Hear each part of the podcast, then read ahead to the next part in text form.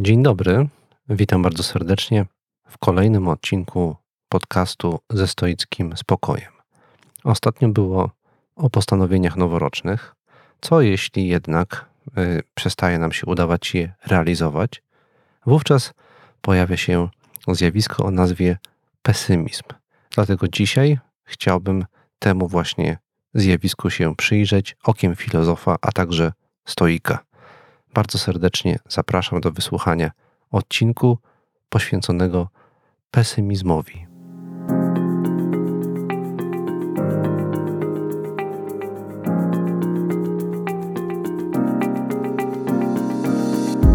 Mamy ograniczony wpływ na to, gdzie i pośród jakich ludzi żyjemy. Nie my decydujemy, co nam się codziennie przydarza.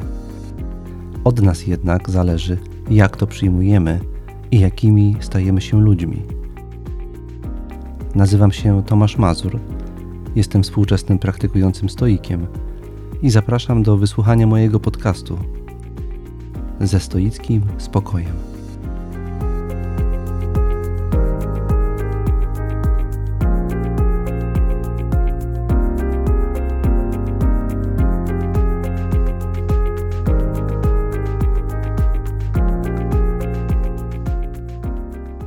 Zanim jednak przejdę do pesymizmu, który jest tematem naszego dzisiejszego spotkania, zacznę od ogłoszeń, podziękowań oraz cytatu na dziś. Mam jedno ważne ogłoszenie związane z sygnałami, które dostawaliśmy, że mianowicie na niektórych platformach nie wszystkie odcinki tego podcastu wyświetlają się prawidłowo Okazało się, że wkradł się jakiś drobny błąd techniczny, który był tego przyczyną. My już to usunęliśmy, także teraz można wszędzie słuchać wszystkich odcinków. Jeżeli dalej coś by nie działało, to naturalnie bardzo prosimy o informacje. Ja przy okazji uświadomiłem sobie, że odcinek dzisiejszy jest już odcinkiem 24.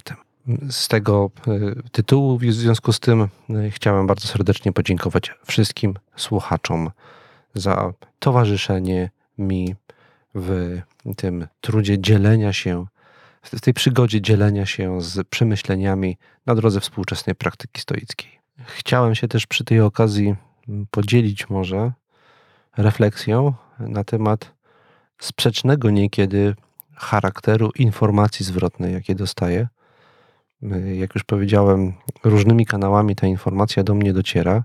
Ostatnio miałem e, przyjemność prowadzić warsztat stoicki poświęcony relacjom. Podczas tego warsztatu spotkałem kilka osób, które regularnie ten, tego podcastu słuchają.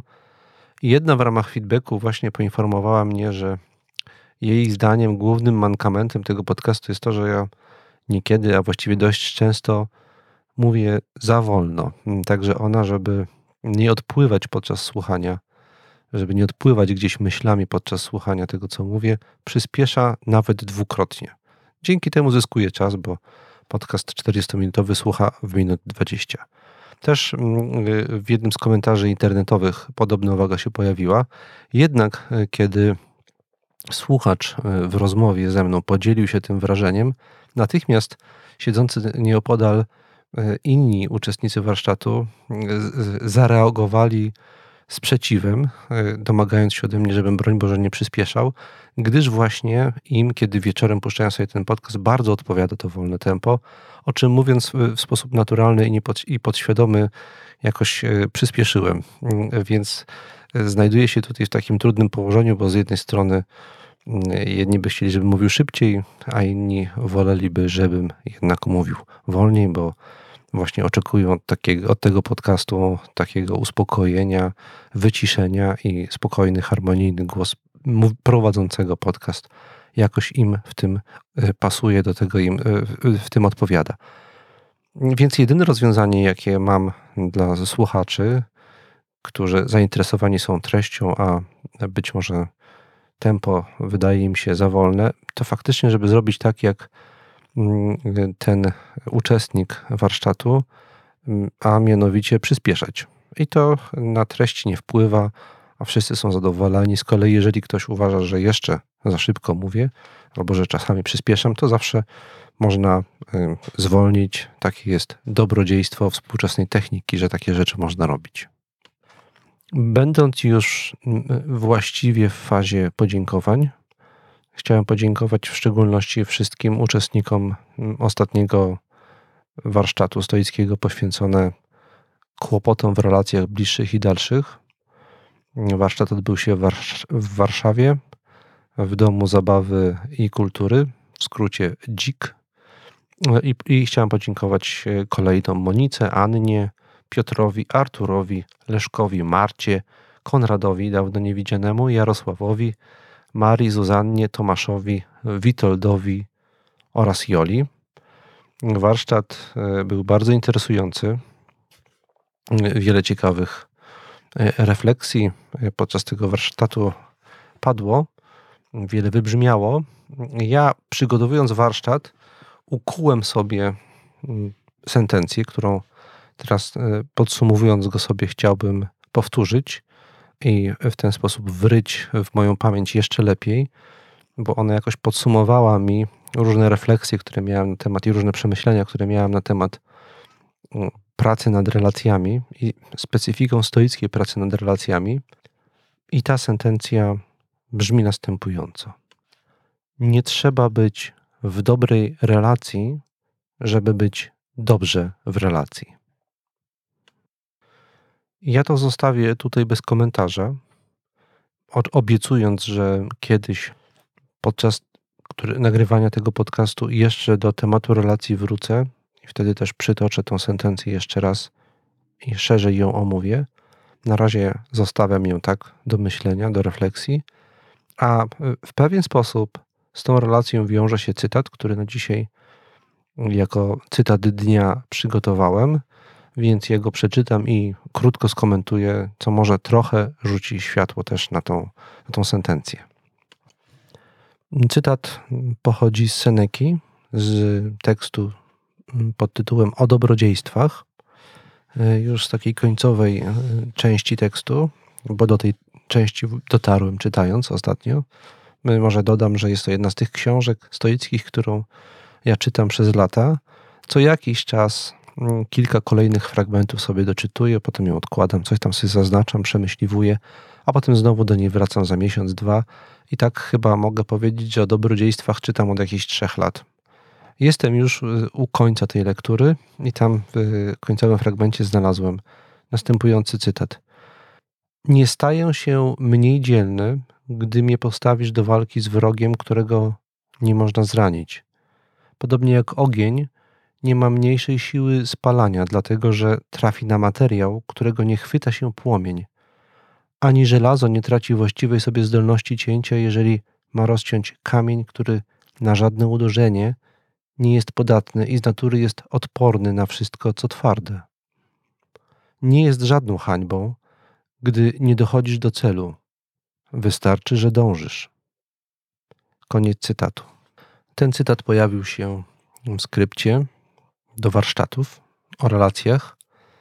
Moją intencją, kiedy go tam umieszczałem, było podkreślenie, że w stoicyzmie, w stosunku do rzeczy zewnętrznych, gdzie powodzenie w budowaniu relacji także zalicza się do rzeczy zewnętrznych, najważniejszą rzeczą jest nasza postawa, której pewnej specyfiki tej naszej postawy nie może zmienić, złamać, podważyć, zachwiać, zubożyć.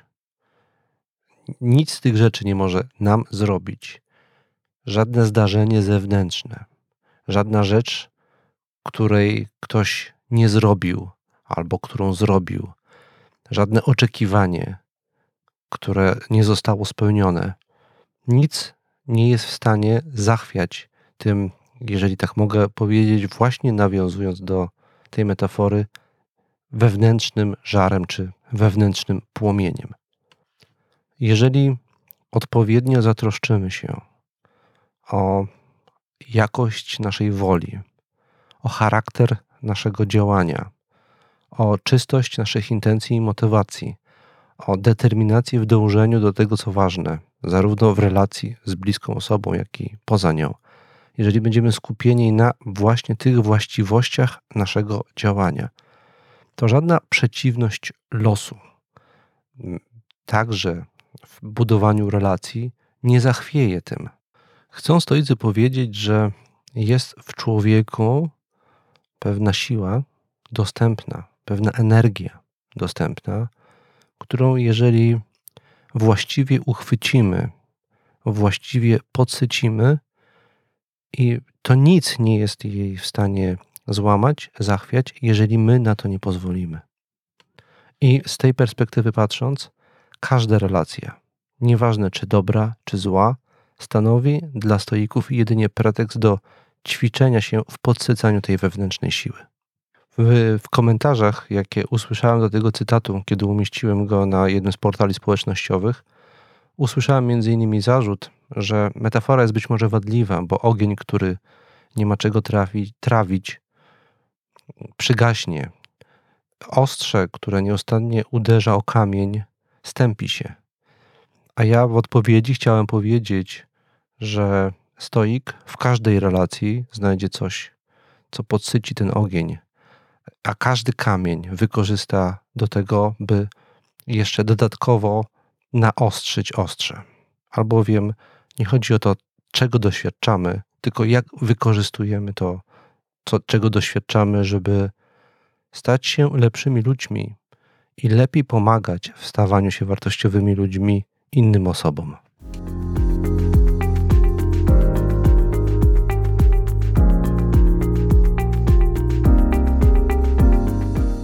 I jeszcze jedna refleksja przychodzi mi do głowy po tych ostatnich warsztatach. Na sam koniec to wybrzmiało. Rozmawialiśmy o różnych sytuacjach, jakich człowiek doświadcza w relacjach, i mi przyszło do głowy, że żyjemy dzisiaj w takim trochę roszczeniowym stosunku do relacji. Wszyscy chcemy mieć dobre stosunki z ludźmi, dobre relacje i tego oczekujemy. Kiedy zachowanie kogoś, z kim jesteśmy w jakiejś relacji, nie układa się po naszych zgodnie z naszymi oczekiwaniami, nie, nie zaspokaja naszych potrzeb, jest to dla nas prawie zawsze przesłanka do tego, żeby poddać redefinicji nasz stosunek do tej osoby, rozluźnić ewentualnie relację albo nawet ją zerwać, albowiem e, myślimy o wszystkich relacjach w kategoriach tego, co ona nam daje.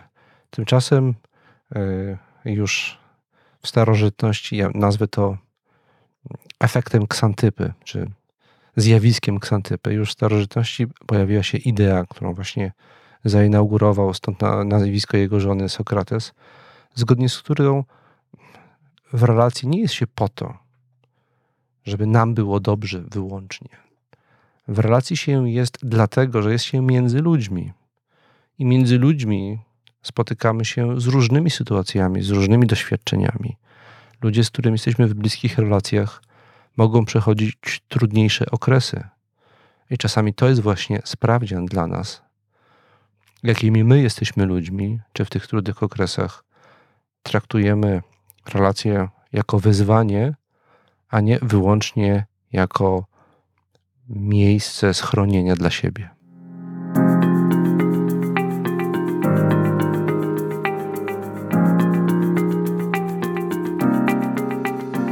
Cześć, mam na imię Michał. Jestem współtwórcą Stoicway oraz podcastu ze stoickim spokojem. Jeżeli spodobał Ci się nasz podcast, daj nam o tym znać i wyślij go swoim znajomym. Będziemy wdzięczni, jeżeli ocenisz go na Apple Podcast lub Spotify i zostawisz nam swój komentarz. Na dłuższe wypowiedzi, pytania, opinie i komentarze czekamy zawsze pod adresem podcastmałpastoicway.net oraz na Facebooku i Instagramie. I jeszcze jedno. Stoicway to nie tylko ten podcast – na naszej stronie stoicway.net znajdziesz o wiele więcej, w tym nasze autorskie blogi. Organizujemy także warsztaty stacjonarne oraz unikatowy 6-miesięczny stoicki kurs online. Zapraszam Cię do wspólnej stoickiej podróży. Do usłyszenia. To wszystko było tytułem wstępu czy wprowadzenia do właściwego tematu dzisiejszego odcinka podcastu którym to tematem jest pesymizm. Ja powiązałem go we wstępie wcześniej z zjawiskiem wszelkiego rodzaju postanowień. My sobie postanawiamy różne rzeczy, planujemy sobie różne działania, angażujemy się w różne dążenia, które mają na celu osiągnięcie czegoś. Zazwyczaj, albo właściwie zawsze, chodzi o to, żeby w efekcie tych planów, tych dążeń, tych działań w naszym życiu zaszła zmiana na lepsze. My zawsze jesteśmy, jak to ujmowali egzystencjaliści, w pewnym rozdarciu między naszą sytuacją aktualną, a sytuacją idealną, do której zmierzamy, mm, tą, która e, wydaje nam się lepsza, między tym, jaki jestem, a tym, jaki chciałbym być, jaki powinienem być, jakie powinno być moje życie. Nasze działanie, mówiąc krótko, e, nasze działania, mówiąc krótko, mają na celu zmianę naszego życia na lepiej. Oceniamy je, rozumiemy je w kategoriach przyrostu jakiejś wartości. Mogę szykować się na przykład na e, rozmowę albo spotkanie z bliską osobą, dlatego że wierzę, iż w efekcie moje relacje z tą osobą się poprawią. Mogę zaplanować, że będę czytał więcej książek, albowiem wierzę, że w efekcie stanę się mądrzejszym człowiekiem. W każdym z tych przypadków oceniam moje działanie w kategoriach, rozumiem moje działanie w kategoriach przyrostu jakiejś wartości w moim życiu. Jeżeli jednak nie udaje mi się zrealizować zamierzonego celu, spotykam się z daną osobą, ale to nie poprawia mojej relacji. Próbuję czytać książki, ale nudzę się, rozkojarzam, a nawet jak już dotrwam do końca, to i tak nie czuję, żebym stał się mądrzejszy. Wtedy na fali tego rozczarowania, tego zawodu, pojawia się skłonność do formułowania pesymistycznego poglądu na temat y, swojej natury albo świata jako takiego. I o tym pesymizmie w kontekście porażki w realizacji różnych naszych, w realizacji różnych naszych przedsięwzięć chciałbym teraz trochę więcej powiedzieć. Przede wszystkim trzeba podkreślić, że pesymizm jest bardzo powszechnym zjawiskiem. Właściwie na co dzień się z nim spotykamy w mniej lub bardziej potocznych postaciach. Jedną z takich postaci jest narzekanie. Dość powszechne, wśród, zwłaszcza wśród starszego pokolenia, na to, że kiedyś to było lepiej, a teraz to jest tak źle. Że dawnymi czasy to życie wyglądało inaczej, a teraz są same problemy w tym czy innym obszarze. W ten sposób y, dajemy wyraz pewnego rodzaju potocznego, być może trochę banalnego pesymizmu, który towarzyszy ludzkości właściwie od zarania dzieju, dziejów. E, także mm, każde kolejne pokolenie narzeka na to, że kiedyś było lepiej, mm, e, w efekcie czego mamy takie poczucie, że świat się wyłącznie pogarsza. I to, ten proces zaczął się rzecz jasna wraz z Hezjodem, który podzielił historię ludzkości na etapy, począwszy od złotego, a kończąc na żelaznym. I ten żelazny jest właśnie zgodnie z logiką szlachetności tych kruszców najgorszy. Mało kto być może wie, ale e, w tym kontekście także powstał mit o Atlantydzie. Platon wymyślił historię o Atlantydzie albo przekształcił do swoich celów jakieś pogłoski, e, które słyszał e, z innych źródeł. Mianowicie chciał w ten sposób właśnie ubogacić swoją wersję spekulacji na temat tego, że kiedyś było lepiej. Atlantyda miała być e, miejscem, miała być nie tylko miejscem oddalonym w czasie, e, czyli miejscem, w którym kiedyś ludziom udało się zorganizować doskonałą społeczność, ale także miała być miejscem, które przestało już w ogóle istnieć fizycznie, gdyż mm, pochłonęły ją wody oceanu. W ten sposób najprawdopodobniej Platon chciał nam mm, pokazać pewną właściwość ideałów.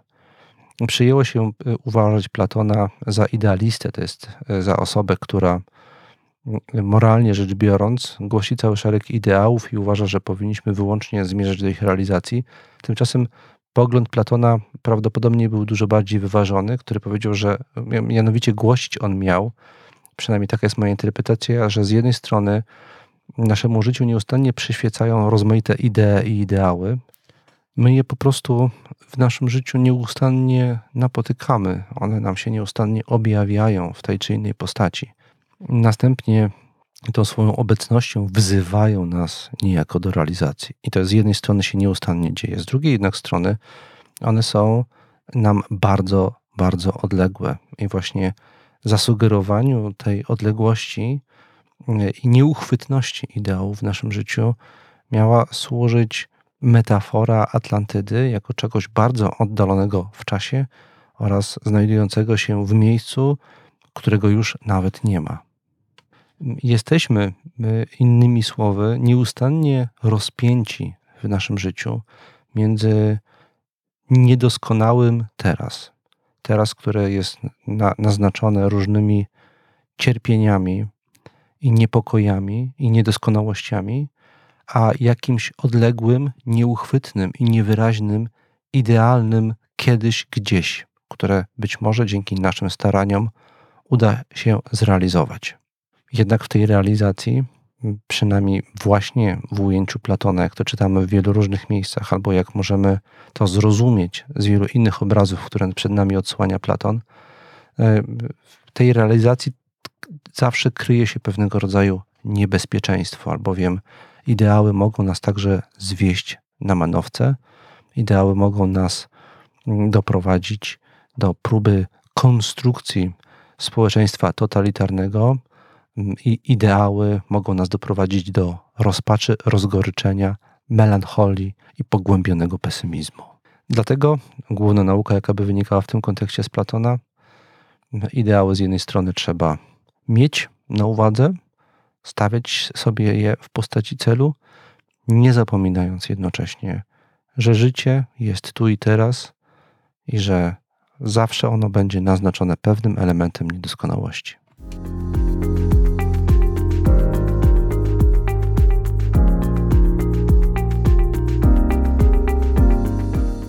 Tak więc już Platon był świadom tego, że w naszym życiu, naszemu życiu cały czas towarzyszy pesymistyczna narracja, przy czym wydaje mi się, tak jak tutaj zinterpretowałem, iż mm, uważał ją za nieodłączną od pewnego lęku niezrealizowania ideałów w naszym życiu, ponieważ lękamy się o to, że ich nie zrealizujemy, mamy poczucie, że wraz z postępem czasu jest wyłącznie coraz gorzej.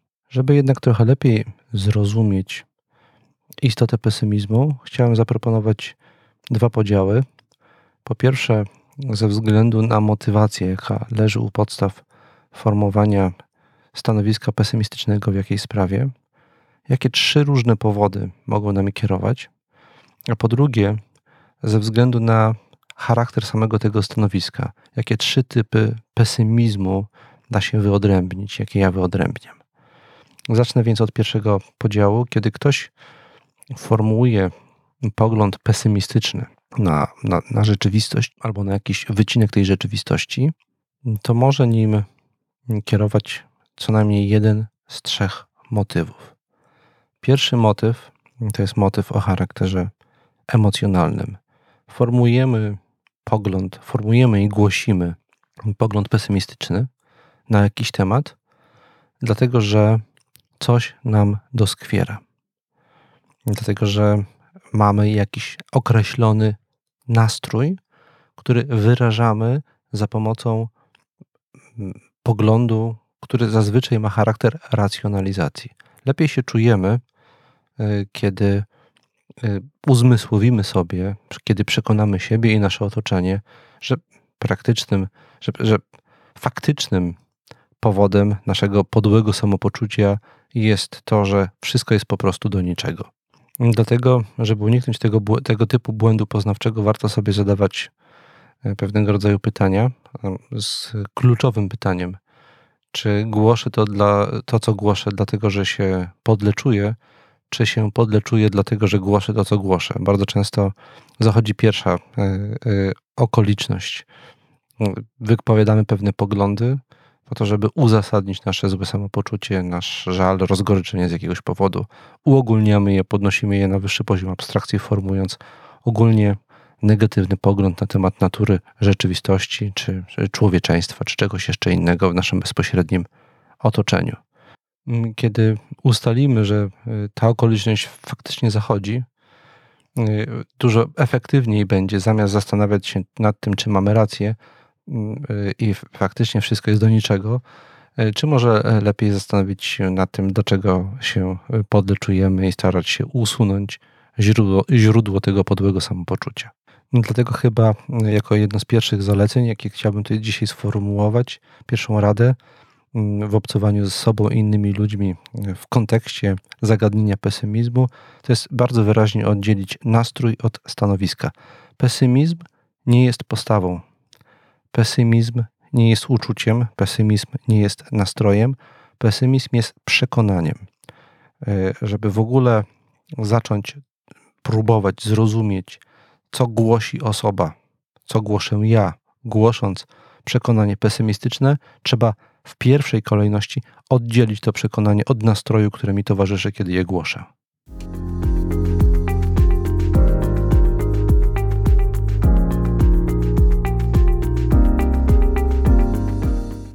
To był pierwszy motyw, jaki mógł, może leżeć u podstaw mm, wypowiedzi o charakterze pesymistycznym. Tym motywem jest racjonalizacja pewnego rodzaju nastroju czy samopoczucia, które nam towarzyszy. Drugi motyw ma odwrotną wartość. On nie jest powodowany złym samopoczuciem, on ma je wywołać. Ale nie w nas, lecz w innych ludziach. Chcę powiedzieć, że tym drugim typem motywacji leżącej u podstaw wszelkich wypowiedzi o charakterze pesymistycznym jest manipulacja otoczeniem. Różne mogą być dalej idące powody takiej manipulacji. Zazwyczaj jest tym powodem wzbudzenie zainteresowania naszą osobą, a w szczególności takie wzbudzenie, które wywołuje współczucie i chęć wsparcia nas w, w naszych dążeniach i celach. Próbujemy przejaskrawić złe okoliczności naszego położenia życiowego, po to, żeby jakoś nasze otoczenie, w szczególności osoby bliskie nam, zmotywować dodatkowo do mm, udzielenia nam pomocy i wsparcia w naszych dążeniach. Zazwyczaj osoby, które to robią, nie są świadome, że to robią, dlatego to tym efektywniej działa. Skuteczność tej, tej taktyki jest konsekwencją naszego uwarunkowania ewolucyjnego. Człowiek ma prawdopodobnie wbudowany, naturalny, ewolucyjny mechanizm każący mu nieść pomoc najsłabszemu osobnikowi w stadzie. Jeżeli w naszym plemieniu, w naszym pierwotnym stadzie jakiś osobnik jest w potrzebie szczególnej ze względu na jakieś kłopoty, w jakich się znalazł, wówczas budzi się w nas współczucie, które jest naturalną potrzebą ochrony stada przed jego rozpadnięciem się.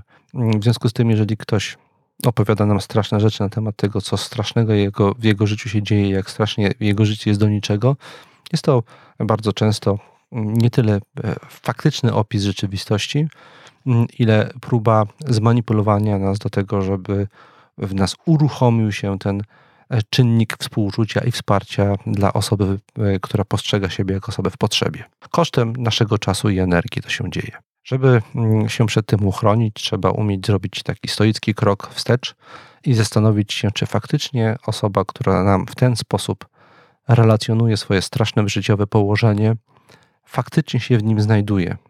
Mm, e, czy przypadkiem nie przejaskrawia tego swojego położenia jeżeli nie pozwolimy sobie ulec od razu odruchowi współczucia i staniemy z boku i poddamy takiej obiektywizującej refleksji położenie bliźniego, może się okazać, że ma w zakresie, w repertuarze swoich możliwych zachowań cały szereg działań, które mogłaby podjąć, ale one są po prostu uciążliwe i wymagają nierzadko wysiłku i właśnie na ten wysiłek ta osoba nie do końca ma ochotę się zdobyć. Co mówiąc jednocześnie uświadamiam sobie, że ja podświadomie dzisiaj mówię szybciej co jest skutkiem refleksji, jaką miałem po rozmowie z uczestnikiem warsztatu. Za co osoby, które, te osoby, które wolą, jak mówię wolniej, bardzo jednocześnie przepraszam.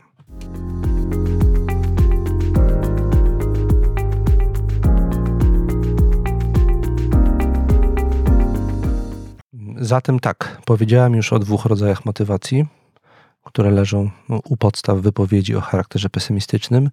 Trzeci rodzaj motywacji to jest ten, moim zdaniem, najwłaściwszy.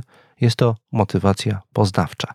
Mam przekonanie na temat tego, że w rzeczywistości albo w jakimś znaczącym obszarze rzeczywistości nie dzieje się dobrze i y, tym przekonaniem za pomocą tej wypowiedzi chcę się podzielić. Jeżeli uważam, że kryzys klimatyczny, który nad nami wszystkimi jakoś ciąży, jeżeli mam przekonanie, że on jest mniej lub bardziej nieuchronny i że pociągnie za sobą konsekwencje obniżające znacząco y, jakość naszego życia, z najniższą wartością na skali tej jakości w postaci y, naszej śmierci, śmierci naszej cywilizacji. No więc jeżeli mam takie przekonanie, chcę się nim podzielić z innymi, to motywem moim jest, y, jest motywem, który leży u podstaw tej wypowiedzi, jest motyw poznawczy. I do w ten sposób wyrażonego pesymizmu możemy się odnosić jak do każdego stwierdzenia mówiącego coś o świecie. Możemy się z nim mianowicie zgodzić bądź nie zgodzić, oceniając jego wartość poznawczą, to znaczy, czy jest prawdziwe y, bądź y, czy jest fałszywe.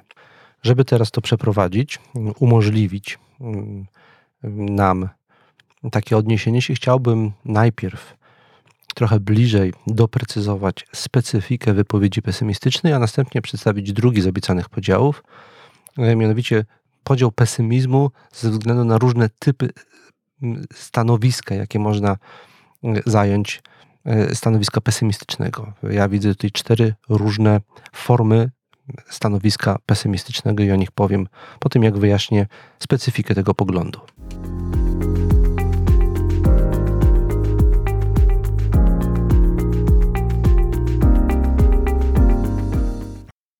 W moim rozumieniu istotą wypowiedzi o charakterze pesymistycznym jest pewnego rodzaju ocena całej rzeczywistości bądź jakiegoś jej znaczącego dla nas wycinka, ocena w kategoriach możliwego przyrostu wartości. Przez przyrost wartości mam po prostu na myśli to, że oceniamy, iż w tym danym wymiarze rzeczywistości albo w całej rzeczywistości, wedle naszej oceny, może być lepiej albo nie może być lepiej.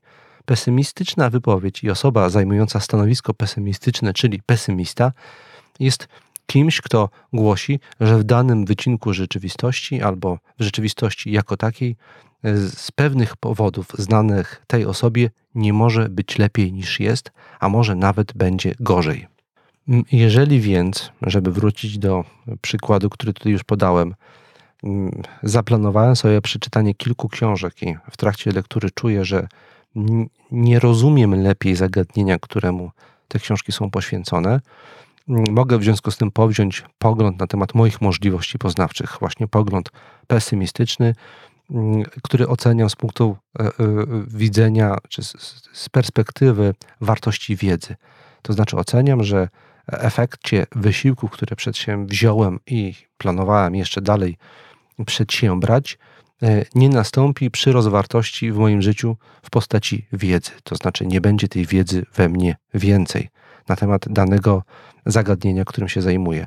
I to jest, to jest stanowisko pesymistyczne. Nie mogę się stać mądrzejszy, nie mogę y, rozumieć więcej w efekcie czytania. Czyli oceniam w ten sposób pesymistycznie jakieś moje przedsięwzięcie, jakieś moje działania.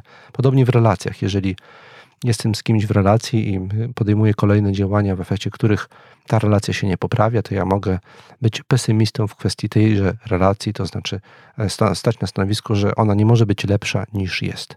Każdy pogląd głoszący, że w jakimś obszarze rzeczywistości na skutek moich możliwych działań nie może być lepiej niż jest, jest poglądem pesymistycznym. Mm, teraz mogę w związku z tym powiedzieć, że, że, że uważam, iż są przede wszystkim cztery rodzaje pesymizmu.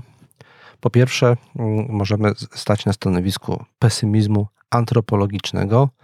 I na takim stanowisku y, stali antyczni stoicy, a ze współczesnych filozofów, polski y, filozof Henryk Elzenberg jest to pesymizm głoszący, że człowiek nie jest dobry y, i rozważany w skali społecznej, nie potrafi stać się lepszy.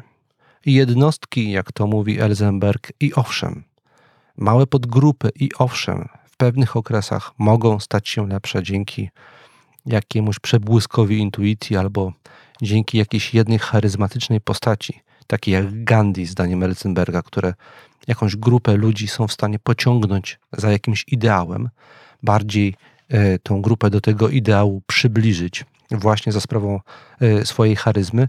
Jednak mm, ludzkość jako zbiorowość znajduje się cały czas między, mniej więcej na tym samym poziomie dobra i zła, nie staje się lepsza. Mm, to jest pesymizm antropologiczny. Y, to jest jeden z możliwych rodzajów pesymistycznych. Ten obszar rzeczywistości o nazwie człowiek, o nazwie zbiór możliwych działań ludzkich, y, jako zbiór właśnie Y, jest neutralny aksjologicznie, to znaczy nie staje się lepszy ani gorszy. On jest mniej więcej cały czas taki sam. Lokalnie może być trochę lepiej, ale w sumie jest mniej więcej tak samo źle. Ludzie się rozwijają technologicznie, ale nie stają się przez to lepsi. Z tym typem pesymizmu jest y, powiązany inny rodzaj pesymizmu, pesymizm, który y, można określić mianem dziejowego. To jest to pesymizm, który głosi, że może mieć dwie postaci. E, pierwsza postać tego pesymizmu dziejowego to generalnie, że dzieje nie przynoszą poprawy e, w świecie. Że na skutek procesów historycznych w świecie nie jest lepiej niż było i nie może stać się lepiej. To jest pierwsza postać tego, pierwsza wersja pesymizmu dziejowego. Druga wersja pesymizmu dziejowego jest, e, wyraził ją między innymi Machiavelli, wyraził ją e, Oswald Spengler w dziele pod tytułem Zmierzch Zachodu. I e, pośrednio wyraził ją także Hegel czy Fukuyama w książce e, Koniec historii. Pośrednio. Mm, jest to pogląd głoszący, że prawem rozwoju, że cywilizacje wszelkie rządzą się pewną dynamiką rozwoju, polegającą na tym, że jest najpierw rozwój cywilizacji, wiek młodzieńczy, wiek, wiek rozkwitu symboliki i wartości, gdzie ta dana cywilizacja osiąga jakieś ideały. Następ, następnie na, y, y, y, następuje okres schyłku i upadku cywilizacji. I w, w, tej fazie schyłkowej e, ona ma charakter dekadencki, materialistyczny i nihilistyczny. Mm, y, trac, tracą uczestnicy, członkowie tej cywilizacji poczucie sensu no i możliwości realizacji wartości. Innymi słowy, na przykład właśnie przytaczany tutaj przeze mnie wcześniej Oswald Spengler głosił, że każda cywilizacja ma do zrealizowania zestaw, pewien zestaw wartości i w momencie, kiedy je zrealizuje, y, dochodzi do rozprzężenia tych wartości i do schyłku danej cywilizacji. A więc e, osiągamy w pewnym momencie taki moment, w, których, w którym e, narasta w nas poczucie bezsensu. I to się przydarzyło kulturze zachodniej, zdaniem Spenglera, e, mniej więcej na początku XX wieku i od tego czasu jest tylko gorzej, co potwierdza w swoich pesymistycznych diagnozach Aleksander Korzew francuski filozof pochodzenia rosyjskiego, mm, y, który w swych słynnych wykładach y, z historii filozofii dziejów y, Hegla, w komentarzu do filozofii, dzieja, z filozofii dziejów Hegla, potwierdza ten, ten pesymistyczny pogląd, mówiąc, że od czasów Hegla mniej więcej w sztuce, w kulturze, w filozofii nic nowego się nie pojawiło że nasza cywilizacja stoi obecnie pod znakiem 2K konsumpcji i kontestacji i nie może być lepiej. Dlatego też Korzew porzucił w pewnym momencie uprawienie filozofii, doszedłszy do wniosku, że nic jej w niej nowego powiedzieć się nie da, w związku z tym nie warto się nią zajmować i zajął się handlem, kładąc podwaliny pod Unię Europejską, bo zajmował się właśnie Unią Handlu Węglem w tamtych czasach. To były, zdaje się, lata 60. XX wieku. To, jest, to był drugi pesymizm, pesymizm, y, który określiłem mianem pesymizmu dziejowego. Trzeci pesymizm mm, chciałbym określić mianem egzystencjalistycznego, czy egzystencjalnego może lepiej, takie określenie by tu i pasowało. Chodzi o nas, nasz własny, indywidualny pesymizm, za pomocą którego oceniamy nasze możliwości w życiu. Wielu ludzi osiąga w pewnym momencie taki moment, kiedy doznaje rozczarowania co do zakresu możliwych dla nas jeszcze pozostałych do realizacji wartościowych celów. Oto już mamy mniej siły niż dawniej, oto mamy ograniczone perspektywy zawodowe, jakoś mniej intensywne przyjaźnie. Dochodzimy na tej podstawie do wniosku, że już jesteśmy na równi pochyłej, e, że to, co ważne w naszym życiu się już dokonało i nic ważnego, wartościowego, przełomowego, niczego takiego już dokonać nie możemy. W związku z tym oceniamy nasze życie w kategoriach braku e, horyzontu realizacji wartościowych stanów rzeczy, braku przyrostu wartościowych stanów rzeczy w naszym życiu w efekcie naszych jakichś działań. Tak bym określił pesymizm egzystencjalny, pesymizm, który my sobie w naszym życiu sami hodujemy, oceniając nasze możliwości. Co jeszcze dobrego możemy w naszym życiu, w naszej ocenie osiągnąć. I ostatecznie y, mamy czwarty rodzaj pesymizmu, który nazywam pesymizmem kosmologicznym. Mm, jest to pesymizm, który najmocniej wybrzmiał w filozofii XX wieku, między innymi w filozofii egzystencjalistycznej, jest to pesymizm głoszący, że świat jako taki nie ma żadnego sensu. My sobie tutaj tkwimy, rojąc sobie różne marzenia o sensie i o wartościach. Na tym małym, zagubionym w kosmosie skrawku Ziemi, na tej zazielenionej skale e, i na tej odrobince materii, my żyjemy niby rozwielitki, wierząc, że coś ma sens, podczas gdy otacza nas bezbrzeżna, kosmiczna pustka, ciemność i cisza, w której nie ma najmniejszego sensu, najmniejszej wartości. Wartość to są wyłącznie nasze rojenia, które zawdzięczamy ewolucji, bo dzięki temu, że wierzymy w to, że coś ma sens, w ogóle chce nam się coś robić. Ale jeżeli spojrzymy na to obiektywnie, jeżeli podniesiemy z tej naszej nędznej skały głowę w górę i spojrzymy na ten kosmos, to tam jest tylko ziejąca i przerażająca kosmiczna, mroczna czeluść. I ten pesymizm kosmologiczny ma jeszcze jeden bardzo mroczny aspekt, jakby tego, co powiedziałem, do tej pory było mało.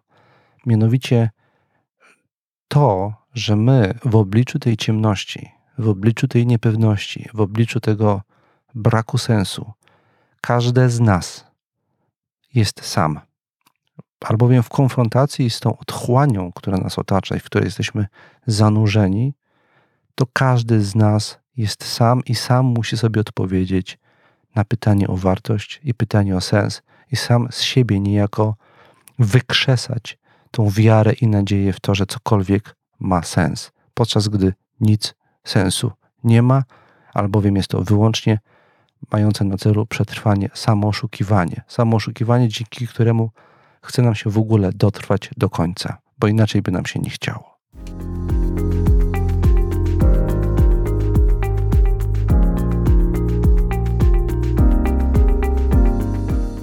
Takie są cztery główne rodzaje twierdzeń pesymistycznych.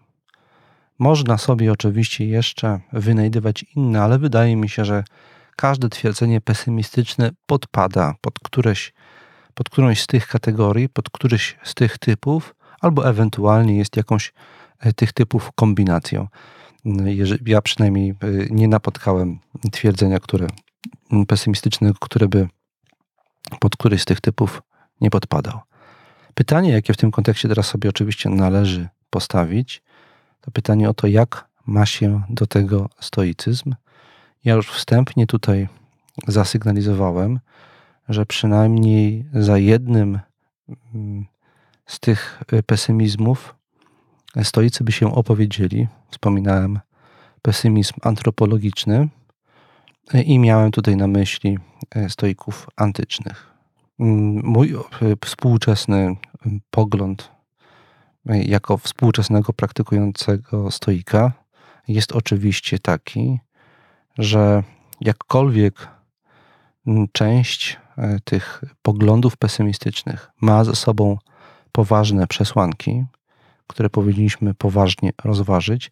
Tym niemniej stoicyzm generalnie jest światopoglądem optymistycznym i światopoglądem pozwalającym wszelkiego rodzaju pesymizmy konsekwentnie i systematycznie przezwyciężać, co jednak wymaga nierzadko ciężkiej pracy, e, ale mm, żeby być odrobinę tej dzisiaj przewrotnym, jak wygląda stoickie przezwyciężanie pesymizmu, o tym chciałbym opowiedzieć w następnym odcinku, który będzie poświęcony optymizmowi.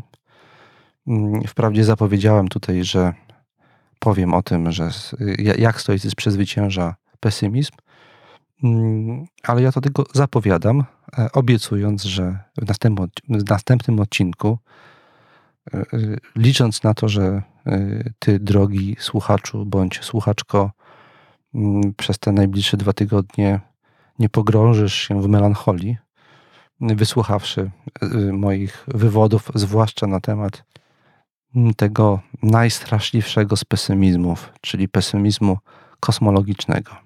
Obiecuję, że zaproponuję stoicką perspektywę, która pozwala nam się wyswobodzić mm, z objęć czy zagrożeń, jakie niosą ze sobą te pesymizmy. A za uwagę dzisiaj już dziękuję.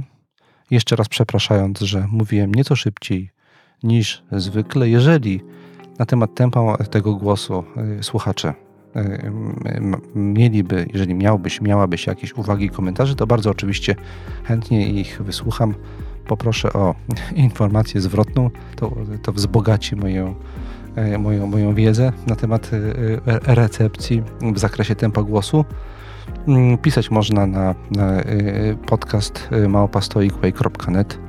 Bardzo zapraszam do dzielenia się uwagami, do formułowania także pytań. Niektóre odcinki podcastu nagrywam właśnie w odpowiedzi na pytania, do czego niniejszym jeszcze raz bardzo serdecznie wszystkich słuchaczy zapraszam. Dziękuję bardzo za dzisiaj.